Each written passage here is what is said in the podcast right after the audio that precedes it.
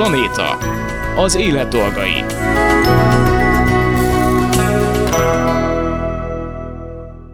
Kellemes délután kívánok, Laj Viktoriát hallják. A mai adásunkat az Ügy című rovattal kezdjük, amiben egy régi kedves vendégünkkel, Aranykovács Rozáliával beszélgettünk, azután pedig Kuris Anita etológus kutyaviselkedés terapeuta folytatja a hallgatói kérdések megválaszolását, amit ugyebár a, a múlt héten hagytunk abba. Ezzel készülünk mára. Az ügy. Ismét sok szeretettel köszöntöm a stúdióban Arany Kovács Rozikát, Rozáliát, a mitokondriális betegek nagykövetét, szószólóját, és hát nagyon-nagyon régi vendégünket. Szervusz! Szia, drága! Hát a mitokondriális az akkor volt. Tény is való, hogyha ö, megkérdezik, vagy kíváncsiak rá, akkor beszélek róla, de úgy gondolom, hogy annak idején azért ö, pont nálatok is, ugye sikerült több oldalról megvilágítani ezt a témát, vagy a betegséget, és hát hál' Istennek azért jó néhány újságcikk is készült róla.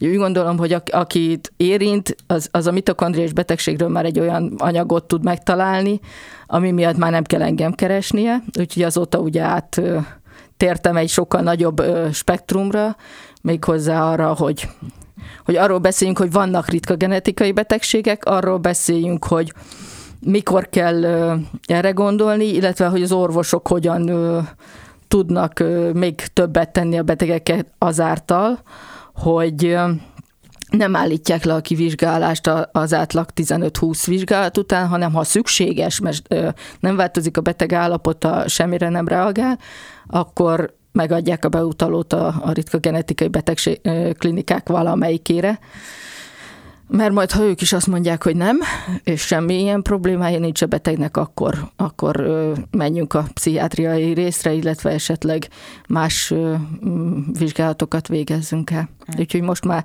most már ez, ez, a, ez az én célom. Így van. És hát a célod az tökéletesen passzol a rovatunknak a profiljába, mivel ez az ügy című rovatunk, és hát nyilván a, a, a vén nélkül ugye már nem fut, de ott számtalanszor beszéltünk is egyébként orvosokkal is, akiket te is ajánlottál a ritka betegségekről, mitokondriás betegségekről, úgyhogy most nem is erről fogunk beszélgetni, hanem maga az, hogy az egy nagyon érdekes dolog, hogy valaki hogyan áll bele egy ügybe, vagy hogyan tűz ki valamit az ászlójára, és viszi azt keresztül, mert nyilván ehhez kell egyfajta személyiség, ami bírja, ami nem tudom, elég szenvedélyes hozzá, hogy valamit nagyon sok ö, időn keresztül, és lényegében egyedül vigyen. Tehát a másik egy nagyon fontos dolog, ami gondolkodtam veled kapcsolatban, hogy azért kell egy közeg ahhoz, hogy az embernek erőt adjon, és hogy ez neked vajon megvolt el? Tehát volt-e kiből, vagy kikből merítkezned, vagy csak magad voltál? Hát az az igazság, hogy ez egy kombi, kombinált kérdés, és kombinált lesz rá a válasz is. Hát eredetileg ugye nekem volt egy, egy mitokondriális betegekből álló csoportom, akik nem igazán értették meg, hogy, hogy nem csak rólunk szól a történet. Tehát, hogy én úgy gondoltam, ugye a legelején az első riportoknál ezt is mondtam, hogy ha egy embernek tudok segíteni, az, az nekem már nagy ajándék. Ezt kb. mikor az első videómat megcsináltam, már megvolt, mert egy volt kolléganőmnek a lánya pont általam került be a klinikára, és kiderült, hogy szintén a mitokondriás betegségnek egy speciális válfajával küzd. Úgyhogy tulajdonképpen ha akarom, akkor azt mondom, hogy én be is fejeztem, de amikor azt érzed, hogy hogy tudok segíteni akkor 2000 embernek, mert ugye kerestük a mitokondriális betegtársakat. Próbáltunk azoknak segíteni, akik hasonló tünetekkel vannak, akkor utána azt mondtam, hogy akkor miért ne tudnék segíteni több embernek, hiszen ha már lendületbe vagyok, ha már beszélek, ha már valamilyen szinten ismernek, ne adj Isten keresnek is, akkor, akkor ki kell használnom. Tehát, hogy, hogy akkor legyen az én nevemmel ez fémjelezve, nagy segítséget úgy konkrétan nem kaptam. Szervezetektől még kevésbé kaptam. Sokan ö, keresnek úgy, hogy van diagnózisuk, és mondom nekik, hogy én már a diagnózissal rendelkezőnek nem tudok segíteni. A diagnózissal rendelkezőnek ott a saját betegcsoportja, ott a rirosz, és hát ott van a klinika, ahol megállapították a betegségét, és akkor elmondják, hogy mivel ö, tudnak esetleg javítani az állapotán, vagy segíteni, hogy ne romoljon ö, nagyon gyorsan. Úgyhogy nagyjából egyedül, de a, amit ér nagyon hálás vagyok, azok azok az emberek, akik, akik látták bennem a, a, ugyanezt, amit te mondtál, hogy, hogy valami hatalmas erővel és elánnal végzem, és ahogy jönnek a megjelenések, ahogy jönnek a cikkek, ahogy ö, például a LinkedInre is fölre, fölregisztráltam, pedig semmi közöm hozzá, tehát nem vagyok ügyvezető, nem végzek olyan tevékenységet, de hogy, de hogy ott olyan emberek reagálnak a, a történetemre, akik bizony teljesen más vonalon mozognak, nagy követőtáborral rendelkeznek, és mégis azt mondják, hogy Rozika, ha kell segítség abban, hogy hogyan kell megfogalmazni, ha, ha kell segítség abban, hogy, hogy hogyan lehet erre fölépíteni egy vállalkozást, ha kell segítség bármiben, ak- akkor itt vagyunk, és, és szívesen segítünk szó nélkül és pénz nélkül, mert, mert valami olyan értéket teremtesz, amit, amit eddig még senki. És mindezt úgy teszik, hogy soha életükben nem találkoztak velem, nem ismernek engem személyesen. Érzékelhető, hogy nehezen is találom a szavakat, meg időnként nehezen is veszek levegőt, ez ugye a betegség miatt van, hogy komoly oxigén hiányjal jár, és találtam végre egy elfogadható áru, hordozható oxigéngenerátort, és kiírtam, hogy nagyon-nagyon szeretném megvenni, mert szükségem lenne ahhoz, hogy valamilyen szinten normális életet tudjak élni.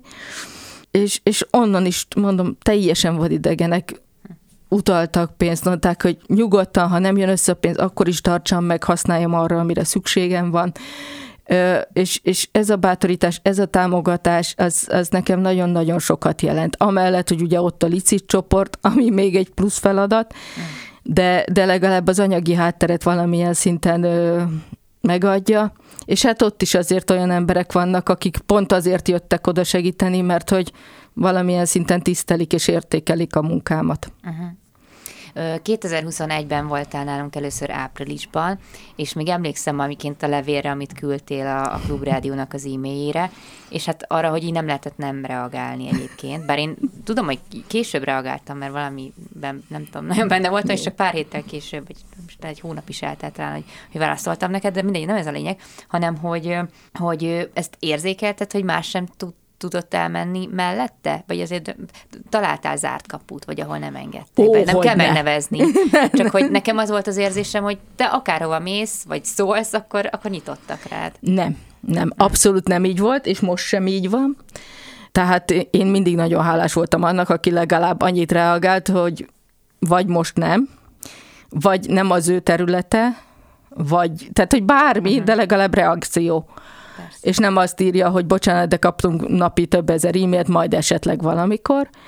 Hát ha megengeded azért az első újságot azért megemlíteném, ez a Budaörsi napló volt, aki, aki annak ellenére lehozta azt a bizonyos levelet, és még egy kis történetet is kerített hozzá, hogy ugye ők csak a helyiekkel foglalkoznak, és akkor ugye, ugye a helyi témákkal foglalkoznak, de megértette az Erzsike azt, hogy hogy mindenhol lehet olyan, aki érintett. És, és ő volt az első tényleg, az összesből, tehát hogy konkrétan ő volt az első, aki reagált. Most már talán egy picivel nyitott, könnyebben nyílnak az ajtók, de azért még mindig nem tartunk ott, hogy mondjuk a nagy médiát érdekelni. Annak ellenére, hogy látom, hogy egyesekkel foglalkoznak, csak, tehát, hogy majdnem mindig az gyermek, gyermekről beszélünk. Miért csak a gyerekekkel foglalkozunk? Miért nincs ugyanolyan joga egy középkorú betegnek, vagy esetleg egy időskorú betegnek arra, hogy fölhívhassa a figyelmet saját magára, vagy éppen ugyanazt az ellátást kapja, vagy figyelmet kapja, mint a gyerekek. Én már például nem tudok dolgozni, de az én korosztályomból valakinek most derül ki a betegsége, kérdéses, hogy vissza tud-e fordulni, kérdéses, hogy képes lesz -e dolgozni, tehát termelni, létezni. És csak azért, mert, mert nem beszélünk arról, hogy, hogy a középkorúak és az idősek között van tudod, ez nekem az eredeti végzettségem statisztikus, szóval, hogy én azt mondom, hogy, hogy a, a, a meg nem talált és nem diagnosztizált betegek nagy része az én korosztályom és fölötte, hiszen utánunk már, már a 2000-es évek után már születettek, azok már szinte automatikusan mehetnek a, a genetikai klinikára, ha baj van. Mi miért nem? Tehát egy felnőttnél miért nem hiszik el? Említetted a licit csoportot, és Igen. valószínűleg köze van ennek, vagy ehhez annak a hogy, hogy mondjam, felszerelésnek is, amit magaddal hoztál, egy teli, nem, teli, teli zsákkal, vagy teli, nem is tudom, Rollátor. rollátorral érkeztél, amivel különféle dolgok lógnak ki, és amiből én is kaptam például egy ütőmágnest. Igen, hát a, a történet az, hogy ugye miután nekem eléggé szűkösre van szabva az energia, fel, felhasználható energiám a napi szinten, ezért igyekszem mindig úgy tervezni a, az útvonalakat, hogy úgy egy sávban legyen, ne kelljen külön köröket megtenni. Ez most éppen úgy alakult, hogy ugye a Lici csoportnál az a lényeg, hogy, hogy valamit vagy ingyen kapok, vagy szerzek meg, vagy olcsóbban, mint, a, mint a, a igazi ára, és akkor ezt rakom föl a csoportba. Én kifejezetten könyvvel foglalkozom, vagy leginkább könyveim vannak, úgyhogy ez, ez is olyan volt, hogy berohantam egy boltba, ahol, ahol olcsóban lehet könyveket megkapni, úgyhogy most nagyon fognak neki örülni, mert alapjáraton gyerekkönyvek vannak benne, és ez megy a legjobban. Amit meg te kaptál, azok már tulajdonképpen pont azért készültek el, a kék-rózsás termékcsoport, hogy ugye ezeknek a megvásárlásával segítsék az én életben maradásomat, fennmaradásomat, egészségügyi állapotomhoz szükséges dolgok megvételét, úgyhogy az már az egyik, hiszen egész szép kis listát sikerült összerakni pár hét alatt, mert van ütőmágnes kulcstartó, bögre, az is nagyon cuki egyébként, póló, ott a kis táska. Kulacs. Kulacs, igen, köszönöm szépen a segítségedet. Sőt, van képzeld el fé- fémből készült szívószál uh-huh. saját tartójában, és akkor maga a tartó van felmatricázva ezzel. És akkor közben meg még agyalunk, hogy, hogy milyen olyan dolgok vannak, amit esetleg szívesen megvennének, és ezáltal ugye engem támogatnának. Úgy, hogy én ugye a beker árát azt kifizetem, és akkor van rajta némi haszon, amivel, ami az én ö, fennmaradásomat támogatja. Igen, mert hát nyilván a ro- rokanyugdíjból nem lehet meg. Igen, szoktam volt mondani, hogy az 51 ezer nem sok mindenre elég, és így is rakjam össze a két kezem, mert, mert ugye egy olyan albérletben lakom, amit a hát most már több mint 40 éve ismert ö, tanítónénim ö, tulajdonképpen az övé, és akkor hívott pár évvel ezelőtt, amikor az előző lakó kiment, hogy Rózsám, arra gondoltam, hogy ez a lakás pont megfelelne neked, ha. Okay. Akkor megegyeztünk egy bizonyos árba, és hát hét év alatt sem emelt árat, mert azt mondta, hogy ne, neki az a lényeg, hogy én biztonságban vagyok, ki vannak fizetve a számlák, tehát neki arra nincs gond, és, és akkor így azért valamelyest ki lehet jönni. De ha, de ha egyedül kellene ezt megcsinálnom, akkor, akkor már régestig az utcán lennék, de, de hál' Istennek, tehát, hogy valamilyen szinten, miután a szervezetem folyamatosan jelezte, hogy baj lesz, ugye folyamatosan épültem le, ezért volt időm átgondolni, hogy milyen dolgokkal tudok valamilyen szinten előrébb lépni, vagy, vagy biztosítani a jövőmet, vagy a mindennapjaimat, és hát itt is szeretném megköszönni mindazoknak, teljesen mindegy, hogy ismer, most találkozott velem, vagy soha életében nem látott, de, de támogat és segít, ahol éppen tud.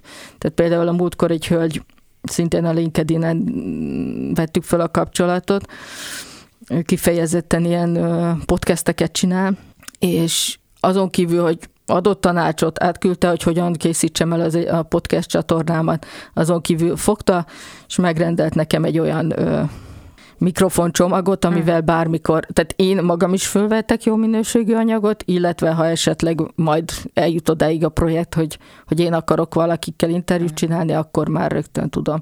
És, és önmagától, tehát senki nem kérte erre, egyszerűen úgy érezte, hogy te az előbb mondtad, hogy, hogy ott kell állni és segíteni kell. Azért igen, az egészen mélyen felháborító egyébként, hogy az embernek, ha, ha ilyen, ilyen kiszolgáltatott helyzetbe kerül, akkor, akkor a másoknak a jó szándékán túl így nagyon másra nem, nem, nem tud számítani.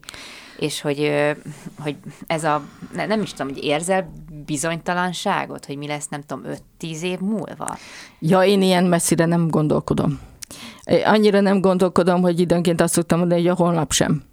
Mert hogy az én állapotomban lehet, hogy holnap már a kórházban leszek. Tehát, hogy nincs miért azon agyalnom, hogy mi fog történni hónapok múlva, mert, mert nem tudok.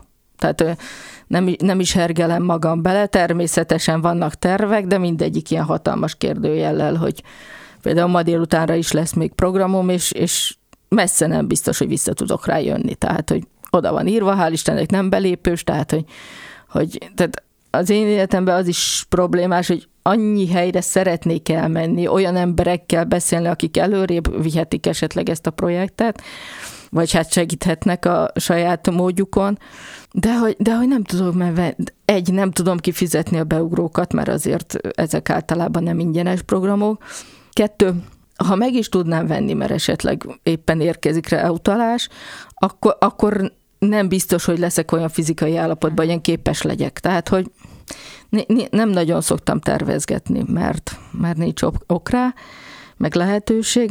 Örülök, ha másnapot vagy két napot előre látom. Tehát most be van tervezve a hétre néhány program, nagyon remélem, hogy, hogy igaz, és akkor holnap megérkezik ez az oxigéngenerátor, úgyhogy talán egy kicsit stabilabb lesz, hogy én akkor a héten már, már vagy innentől kezdve egy kicsit jobb lesz a helyzet. Uh-huh. Visszatérve az előző gondolatodra csak egy másodpercre, hogy hogy milyen nehézségeken megyünk át. Igazat megalva, ez, ez majd egy következő projekt lett, és, lesz, és lehet, hogy nem is nekem kell ezt megfutni, hanem majd a Rirosznak, hogy, hogy nem ismerik a ritka genetikai betegségeket. Tehát a leszázalékolási bizottságnak csak egy papír van, meg egy szám van odaírva, ami messze nem, tehát nincs ott mellette, hogy ez mit jelent az ember életébe. És miután én például ugye pont a Covid kellős közepén kaptam meg a diagnózist, és, és jártam végig a leszázalékolást, velem még életében nem találkozott a leszázalékolási bizottság.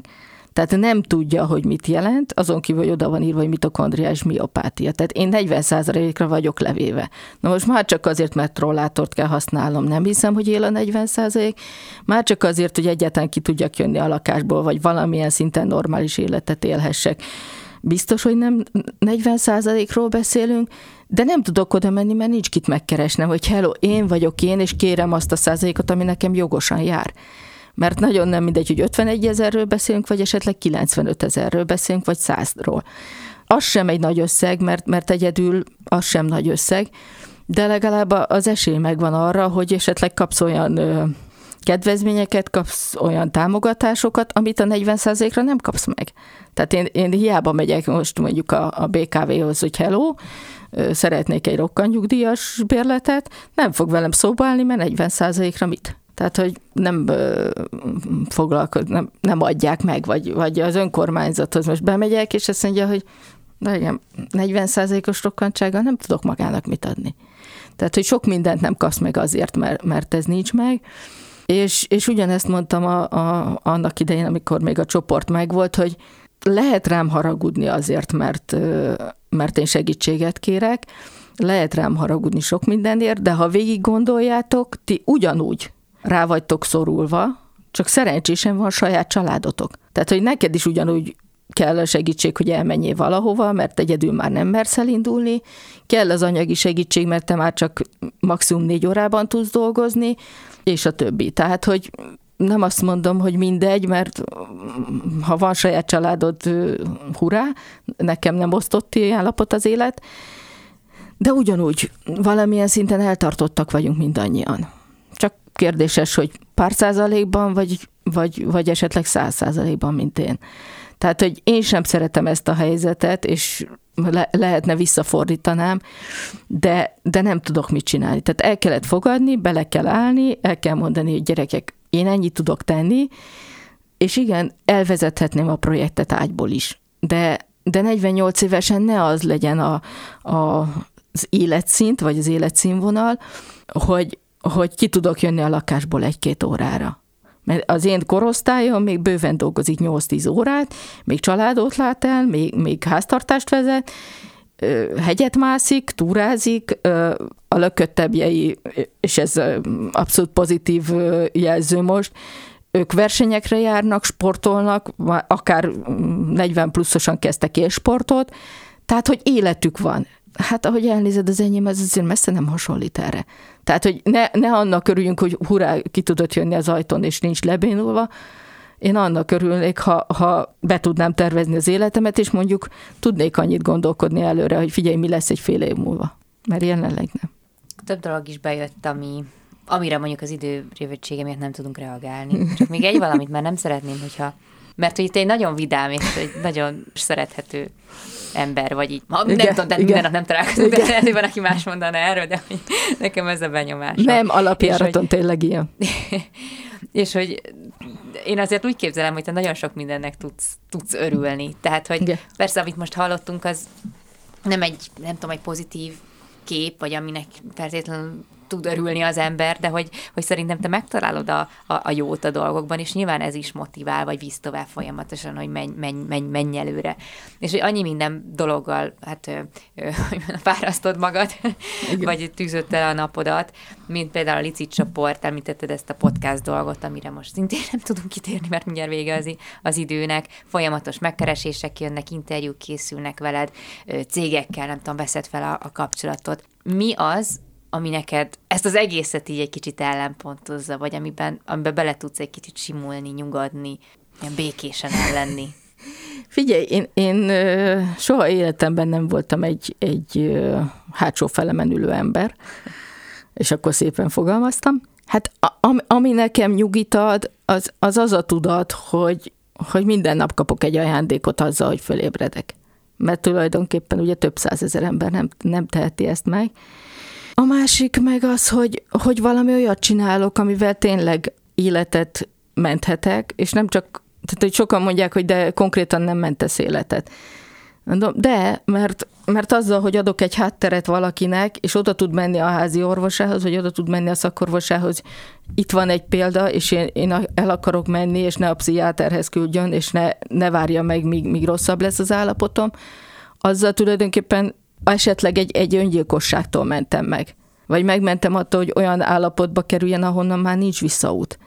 Az, amik, az amikor valaki rám ír, hogy, hogy köszönöm szépen, mert éppen olvastam valamelyik cikkét, mert most jött elő, és, és akkor segítsen nekem, én, én most itt tartok. Volt olyan, aki, aki éjjel kettőkor írt, és abba egyeztünk meg, hogy reggel 11 után már hívhatja a klinikát, mert vadi új tiszta papírjai voltak, és, és nem győzött hálálkodni, hogy, hogy, én, hogy én szinte azonnal reagáltam neki, és, és ő neki másnap már megvolt ott a stabil helyzete.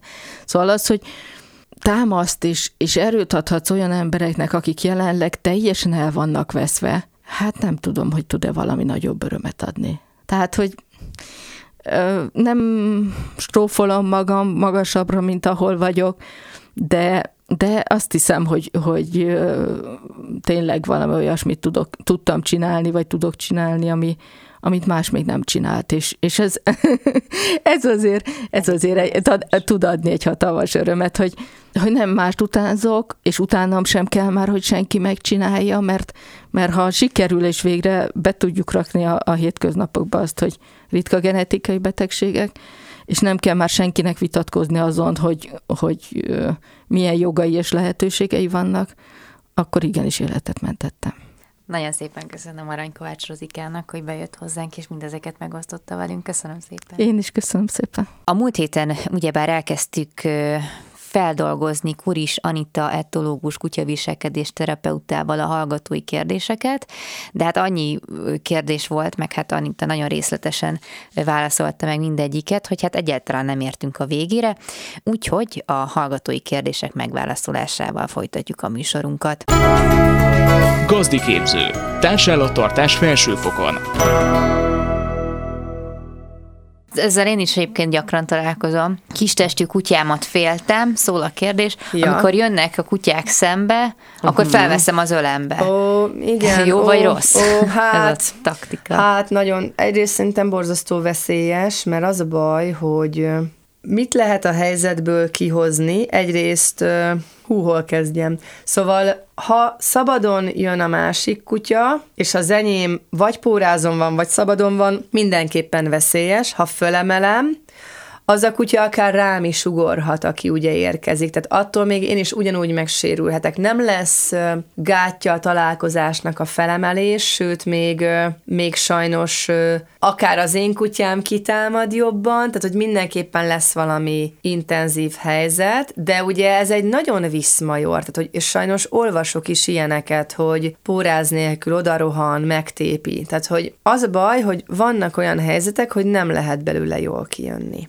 Tehát egyrészt a helyszín megválasztás, a séta helyszínen megválasztása nélkülözhetetlen a testi épség megvédéséhez. Uh-huh. Tehát az, hogy én felkapom a kutyát, nem garancia semmire. A verekedés úgy is folytatódhat, rám is ugorhatnak, az enyém is haraphat, akár még engem is. A póráz sajnos nem védi meg a kutyámat, ha másik póráz nélkül jön. Nyilván ez alapszabály, sokszor elmondtuk, pórázos kutyákat nem engedünk össze. Vagy szólunk, hogy létszített pórázra. Sajnos olyan is van, hogy nem sikerül. Ami megint csak alaptézis, én védem meg a kutyámat, nem ő magát. Tehát, hogyha látom, hogy jön egy fenyegetés, én lépek előre, én lépek ki, megpróbálom a fenyegető felet távol tartani, akár üvöltözök, megyek, nagy testfeletet növelek, indulok, mint egy buldózer, megyek a másik felé, és ettől talán ő megtorpan, megáll, meglepődik, te atya úristen, mi ez a cunami? Elképzelhető, de nem várom el a kutyámtól, hogy ő intézkedjen. Tehát a le, én azt, azt gondolom, hogy ilyenkor a legbiztonságosabb nem beengedni a terünkbe a másikat, mert aki bejön bejött a térbe, emlékezzünk vissza a tér jogosultság óriási tárházán, ugye otthoni tér, tér, tehát ha beengedem a kutyát a mi terünkbe, mondjuk odaengedem 10 méteres közelségbe magunkhoz, ő ott azt fog csinálni, amit akar, amit az ösztön helyzet megkíván. Az egyed adott habitusából fakadó lehetőség. Tehát ő ott pont saját dolgot végez, pontosan azt, amihez neki kedve van. Uh-huh. Ezért amire tudok a legjobban törekedni, hogy ne engedd be a teredbe. Hogy neked mekkora a privát tered, 10 centi vagy 50 méter, azt te fogod a viselkedéseddel közvetíteni. Elindulok felé nagy, nagyon nagy testfelület kihúzva, nagy, nagyon hevesen, akkor ott azért a kutyák nagy százaléka megtorpan. Annyira meglepődik ettől a vehemenciát, hogy egész egyszerűen megtorpan. Na most, hogyha egy ilyen helyzetet te meg tudsz alkotni, hogy megállítasz valakit, az nehezebben indul el újra. Addig nem veszel le a szándék, a test tartásod szándék üzenetéből addig nem veszel vissza, amíg ő nem másítja meg a szándékát. Ő megtorpan, az már neki egy döntés, hogy ez nekem sok, én itt most megállok, és végig gondolom. Ebből ugye két irányba mehet a dolog, tovább jön, vagy kifordul és elmegy. De aki megállt, az nehezen indul el újra. Nyilván itt az én kutyám viselkedése sajnos sokban tud rontani a dolgon, ugyanis ha ő kitámad, vagy oda rohan, akkor ugye buktuk ezt a jópofa kis térkontrollt, de az mindenképpen egy alaptézis, hogy én védem meg a kutyámat, nem ő intézkedik. Mondom ezt úgy, hogy nekem egy harci kutyám van, de hál' Istennek soha nem kellett Hál' Istennek soha nem volt szüksége arra, hogy ezt megtudja magáról, hogy ő erre képes lenne, pontosan ezért nem akartam, hogy ezt megtudja magáról, mert arra nekem nincs szükségem, hogy ő használja ezt a tudását, tehát hogy, hogy én azt gondolom, hogy a gazda felel a csapatér, és a gazda viselkedésén múlik, hogy ez persze nem igaz, mert sajnos mondom, van olyan, hogy legjobb tevékenységem ellenére nem úgy alakul a dolog. Nincs például elég tér arra, hogy képviseljem magunkat. Uh-huh. Tehát, hogy azért ezek zárt tér, szűk utca, váratlan, kifordul, oda jön, meglát. Tehát, hogy ezer-ezer helyzet van, tényleg rémisztő dolgok történnek. Válasszak jó sétahelyet, ezt, ezt tudom erre gondolni és mondani, hogy, hogy meg kell válasszam, mert senki nem fog hozzánk azért toleráns lenni, mert hogy, hogy, hogy nem okolhatok, de nyilván okolhatok, okolhatom a másik gazdát, csak, csak sok esetben azt látom, hogy nem nagyon toleránsak az emberek ilyenkor egymással, és valahogy, valahogy ezek a teljesen téves, mondom, ez a majd a kutyák elintézik, veszélyes. Tehát, hogy mégiscsak ragadozó, mégiscsak olyan ösztönbe tud kapcsolni, amiben van, hogy nincs megállás. Tehát, hogy, mm. hogy a megadja magát, és a majd elintézik, ezeket a tanácsokat engedjük el, mert ezek, ezek nagyon nagy marhaságok. Idegen kutyák esetében Tehát nem, nem garancia a fölkapkodás sem sajnos, ha fölemelem a kistesti kutyámat, és ugye ráadásul, ha meg ezt a saját kutyám olvasatából nézegetem, hogy én őt a kistestéből fakadó könnyű kezelés miatt úgy oldom meg az ő konfliktusait, hogy felemelem és kiemelem az ő konfliktusaiból, akkor ő sajnos ebből nagyon rosszat tanul. A konklúzió az egy ilyen félbeszakadó, helyzetkezelés lesz, és ő pont, hogy a szorongás és a frusztráció és a reaktivitás irányába megy ettől a nem tudja lábon megoldani, ugye a lábon menés mennyire old, ezt sokszor megbeszéltük, tehát hogy a fölemelést azt egyáltalán nem tartom jó ötletnek, tényleg, ha csak nem a testi épség, uh-huh. De mindenféleképpen ez nem kommunikáció tanulás, ha én kiveszem őt a helyzetből. Ne- nehéz, nehéz téma. Ne akarjam azt, hogy majd a kutyám megvédi magát, azt ne akarjam, tehát akkor, akkor nyilván inkább vegyem föl, és védjem meg én őt, de a rendszeres felvétel az őt viszont nem tanítja semmire. No.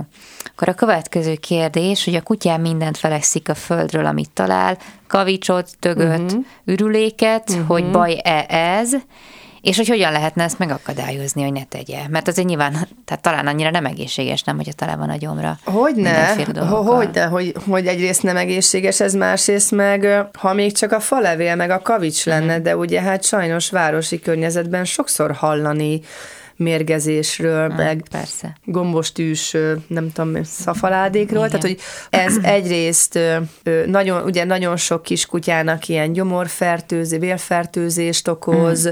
ez a mindent föleszek, madárürülék, dög, tehát hogy, hogy fertőzés veszély, életveszély, és nem utolsó sorban a rossz szokás tanítása. Ugye az oka ennek az a kiskori földről eszegetés egyrészt 16 hetes kor körül alakul ki az éles látás. Addig a kutya túl messzire nem is lát. Uh-huh. Tehát, hogy, hogy a kiskutyának a, az érdeklődési köre az a kis magterület, ahol ő van, ahova lerakom, ott kezd el felfedezni világot, nem kezd el a 50 méterre lévő tölgyfát megszagolni oldalt, mert neki aztán teljesen mindegy, hogy kipisélte le a tölgyfát, neki sokkal érdekesebb, hogy a levelet fújja a szél, vagy a, vagy a kis csiga kidugta a tapogatóit. Tehát, hogy a kiskutya mindent a szájába akar venni, ami az ő kis, nem tudom én, egy méteres körzetében van.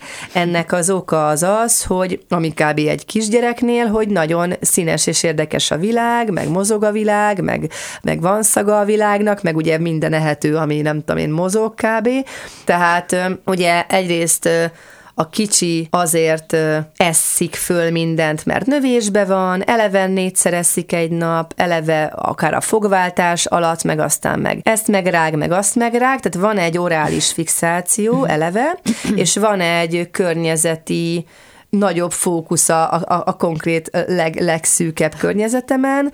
Úgy tudok ebbe egy kicsit beavatkozni, és egy picit ezt jól irányítani, hogy, hogy kihasználom az ő étellel való jó motiválhatóságát, és mondjuk a reggeliét, ebédjét, uzsonnáját, vacsoráját, a, a, az amúgy is a napi rend miatt a, a szobatisztaságot tanuljuk naponta ötször, tehát hogy, hogy amúgy is ugye a sétákra érdemes a falatokat magammal vigyem, ezt szándékosan mondom, hogy nem jutalomfalat, mert azért egy, egy virslitől egy, egy Yorkshire Terrier szépre nem nő, tehát hogy azért érdemes az ő rendes, tápanyaggazdag, rendes takarmányát elosztogassam ez alatt a séták alatt, amelynek nem titkolt szándéka, hogy a földről porszívózás helyett legyél olyan kedves a kezemben lévő falatokat magadévá tenni, tehát elkezdek egy olyan szak, szokást is tanítani, hogy működj velem együtt, figyelj rám, gyere velem, ezzel ugye felemelem, szó szerint kiemelem a fejét a,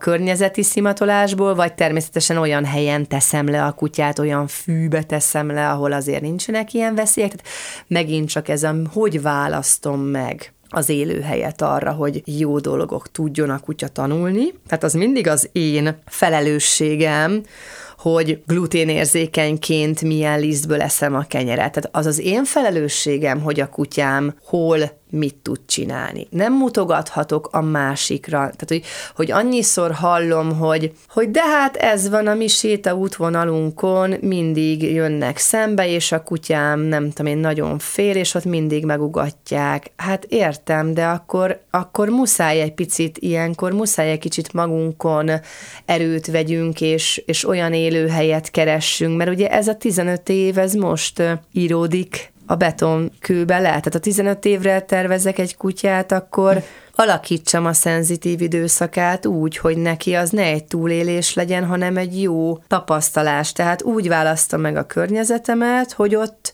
ne a legtöbb szemét hegy közepén akarjak behívást tanítani, mert ő el fog menni fölenni a valamit, hanem nálam van az étel, a megválasztott helyszínen nincs a földön étel, és akkor értelemszerűen a profit az ott van. Uh-huh. Tehát, hogy ez ugye magamnak csinálom a, a hosszú távú feladatot, vagy, Igen. vagy, vagy sikerélményt magamnak és nyilván a, a kutyának, tehát, hogy alakítsam úgy a körülményeket, hogy a kutya meglévő motivációját és érési fázisát illeszem rá a körülmény adta lehetőségre.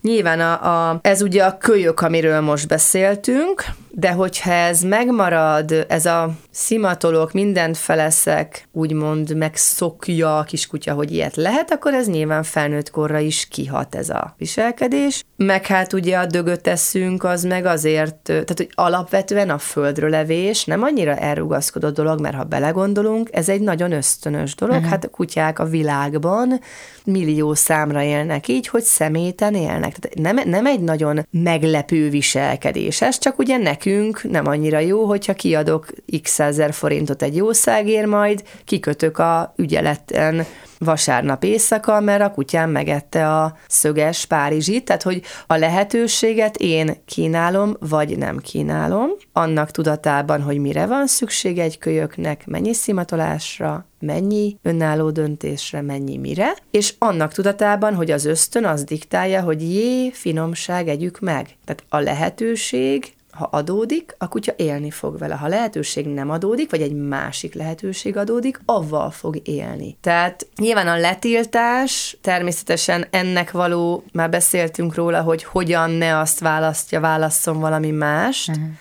Ezen is lehet dolgozni. Mindig jó, hogyha egy problémát több irányból közelítünk, csak mindig értsük, hogy mi a jelenség oka, és azt is értsük, hogy a kutyának a motiválhatósága és a dilemmája az hogyan működik. Olyan a kölyöknél, ez a séta is egy kicsit, mint egy ilyen kirakodó vásár, ugye a kölyöknél minden bódénál megállunk, és egy kicsit feladatozunk. Egy felnőttel már lehet, hogy csak a kézműves sajtok standoknál állok meg, mert a nem tudom én, a nemez, nemezelés és a fülbevaló az nem érdekel. Tehát, hogy mindig a, elkezdem tágítani a, az útvonal hosszát, és a kölyöknél a, a földről levés ugyanez, hogy a megállóknál, a, a, tehát nem, nem minden kézműves, vagy nem minden kirakodó vásárnak minden standjánál veszünk hogy hívták ezt, török mézet, hanem, hanem mondjuk, tehát hogy ez, ez, ez, ez teljesen jó példákat hozok, minden esetre az van, hogy, hogy a török méz az tőlem jön, nem pedig a, nem pedig a uh-huh. kirakodó vásáról. Tehát én megveszem, uh-huh. és akkor odadom neki. Igen.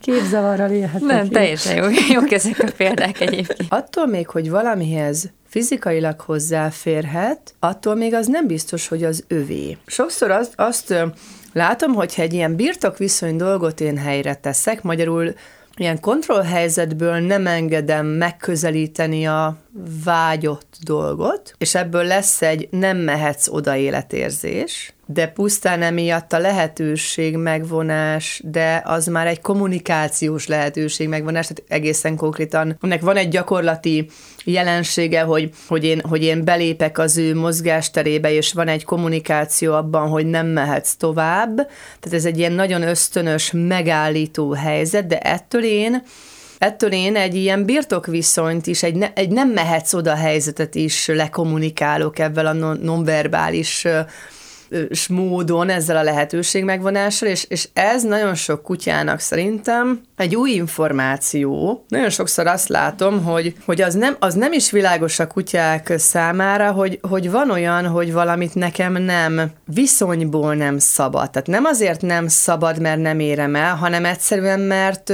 mert az a gazdámé. De hogy nyilván ebből rengeteg játszmát lehet kialakítani, hogyha mind, ugye, ugye azok a játszmák, amikor, vagy azok a mintázatok, amikor ugyanazt a dolgot magas ismétlésszámmal számon kérem, megtiltom, de mégis megcsinálja. Magyarul mondhatjuk, hogy nincsen, nincsen szabály, mert hát amit ugye minden nap mondani kell, az nem, nem létezik.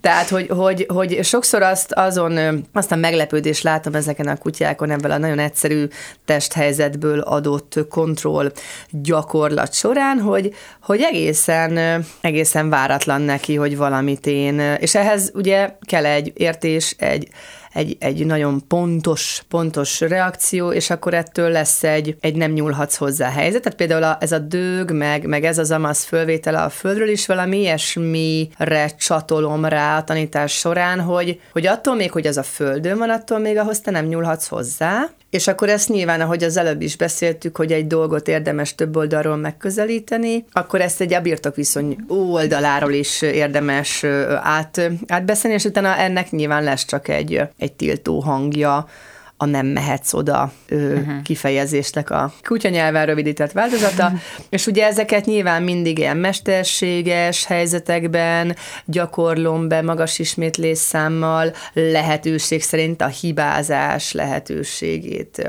kihagyva, pontosan azért, mert mesterséges, pontosan ezért kis eséllyel történik hibázás, és ettől a, úgy alakul a dolog, ahogy én tervezem, a kutya fejében meg lesz egy konklúzió, hogy ezt így szoktuk, és, és ugye ez azért fontos, mert a kutyának alapvetően nem éri meg nem csinálni azt a dolgot. Ugye neki ösztösszinten az érné meg, hogy elérem, megszerzem, megeszem, de emiatt a nagyon pontos, korrigált helyzet miatt lesz egy, hát egész egyszerűen ez egy önkontroll helyzet, amiben a kutya jól, jól szuperál, és, és, és ez, ez meg, meg kiegészül avval, hogy attól még, hogy látod, meg attól még, hogy elérhető, attól még avval neked nincs dolgod. Az, hogy leszokik róla, hogy amíg ezt kölyökként csinálja, és felnőtt korára leszokik, azért ez egy valós dolog? I- igen, tehát, ja, hát igen, tehát hogy, hogy azért, a, ugye azért mind, mindenki számára vannak vonzó dolgok a földön, tehát egy, nyilván egy, egy jól képzett, sok, sokat megélt felnőtt kutyának is van olyan, hogy ho-ho,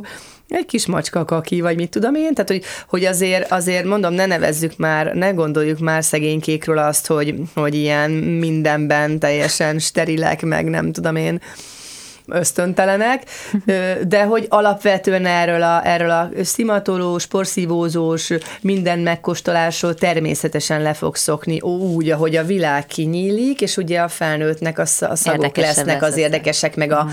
meg a többiek, meg a kivel konkuráljak, meg kivel méregessem a bicepszemet, és nyilván a kinövi ezt a bizonyos, jaj, de szép, nem tudom én, kardos lepke, ez ki fogja nőni, de, de természetesen a szokás nagy úr alapon, ráadásul, ha tényleg azért egyrészt mindenből lehet szokás csinálni, mindenből lehet kényszerviselkedést csinálni. Nekem van olyan volt olyan kutyám, aki, vagy akiről, akivel így dolgoztam, hogy állandóan itt szimatol, de hogy, hogy látszott, hogy ő nem, tehát hogy ő azért szimatol, hogy ne azt csinálja, amiből konfliktus lehet, hanem oh, ő azért szimatol, hogy elkerül a magatart. Igen, de hogy ebből már olyan, olyan mértékűvé duzzadt ez az elkerülő magatartás, hogy nem, nem hagyta abba. Tehát föl kellett emelni a kutya fejét a földről, szó szerint, haltiba sétáltunk, hogy egy kicsit kivegyük a, a lehetőségét a már-már kényszeres szimatolásnak, mert ugye ez a konfliktus kerülés átment egy ilyen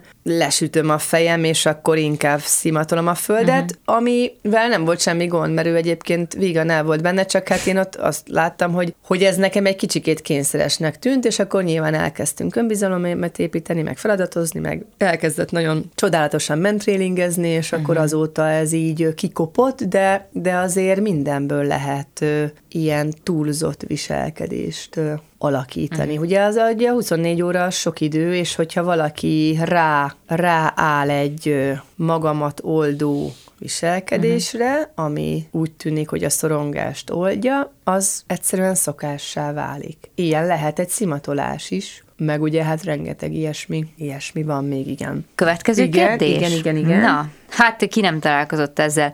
Séta alatt, ha nincsen zavaró körülmény, értsd másik kutya, macska, vadnak a szaga, igen. akkor a kutyám behívható, figyel, de amint történik valami, akkor nem tudom megszerezni a figyelmét. Mit lehet ezzel Hát tenni? egyrészt szerintem van az az inger, amit én se tudok felül írni, tehát főleg, hogyha belekostolt a kutyám mondjuk egy vadűzésbe, akkor az egy olyan erős beégés, hogy utána, ha ugrik egy vad, ne lepődjek meg, ha nem tudom letiltani. Tehát én azt gondolom, hogy egyrészt csoda megoldás nincs, miután nem gépek, nincs meg a hasán az az on vagy off gomb, amit néha kikapcsolok, hanem egyszerűen az van, hogy fel kell ismerjem, hogy milyen területen mekkora karám méretet engedek. Uh-huh. Tehát ez a bizonyos saját dolgot csinál, vagy nincs dolga, ezzel a gondolattal úgy játszom, vagy azt szerint engedem a kutyámat nagyobb mozgástérbe, vagy pont, hogy kisebb mozgástérbe, hogy milyen az élőhely terheltsége. Uh-huh. Ahol ugrálnak a,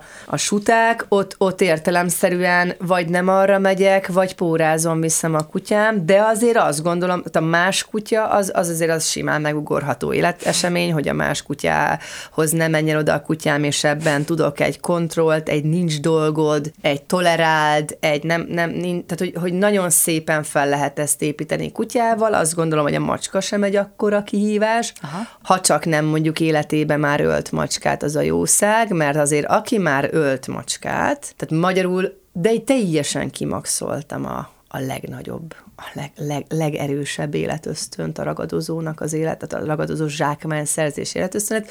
Ott azért azt gondolom, hogy nagyon naív gondolat lenne ezt így, tehát meg lehet, Nyilván nagyon függ, nagyon függ a kutya-gazda kapcsolattól, nagyon függ a macska távolságától, nagyon függ attól, hogy van-e otthon macska, úgy egyébként, mint házi, házi állat, tehát hogy, hogy nagyon-nagyon helyzetfüggő, de azért azt mi megint csak tudjuk, ugyanígy, mint ezeket az alapköveket tudjuk, hogy azért a zsákmány, ha már életében fogott olyan állatot, ott azért úgy rendesen beéget. Például az én kutyám, nekünk, nekünk ugye van otthon, van egy nyulunk, meg van egy macskánk, meg van 15 baromfink, de az én kutyám a szomszéd kérésére megfogta már a szomszédnál, nem a szomszéd patkányát, hanem a szomszédnál, a szomszédnál lévő patkány már megfogta, meg egyszer fogott nálunk egy nyestet is. Tehát ő már ilyen formán ragadozott életében, de a saját macskánkat, meg a saját nyulunkat soha nem bántaná.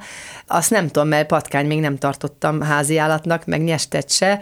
Itt azért nagyon függ a kutyagazda viszonytól, hogy az enyém, magyarul a gazdái, a macska uh-huh. és a mhm. nyúl, meg a gyerek, meg ugye tovább mehetünk, Aha. az ugye nem a kutya hatásköre. De amikor ugye van egy ösztönhelyzet, uh-huh. hogy nekem terrierként ragadozni van lehetőségem, akkor azért ott úgy nagyon, nagyon elkapja a gépszíj a kutyát. Tehát megint csak ne, ne legyünk álszentek, hogy az emberi világban is simán túllépik az emberek a moralitást, és akkor mennek a mindenféle ösztön állapotok. Tehát igen, ez a kutyáknál is így van, és azért a tapasztalat nagy úr. Tehát a, a, vad, a vadnak a szaga, na ez is egy teljesen nagyon egyetfüggő. Tehát például van ez a bizonyos emlegetett kis siker történetem a mentrélinges Lizi kutya. Ő például olyan fantasztikusan járnak őrzővédő órákra, fantasztikusan dolgozik a kutya, de és, és, és közben a gazdi egy ilyen csodagazdi, mert állandóan kirándulnak mindenféle helyeken, de a kutya olyan fantasztikusan ignorálja a vatszagot, hogy én nem is, nem is láttam még ilyen kutyát, hogy neki aztán ők elnézegetik a távolban a lemenő napon áldogáló őz, őzbakokat, és, és a kutya ezzel úgy van, hogy jó van, haladjunk.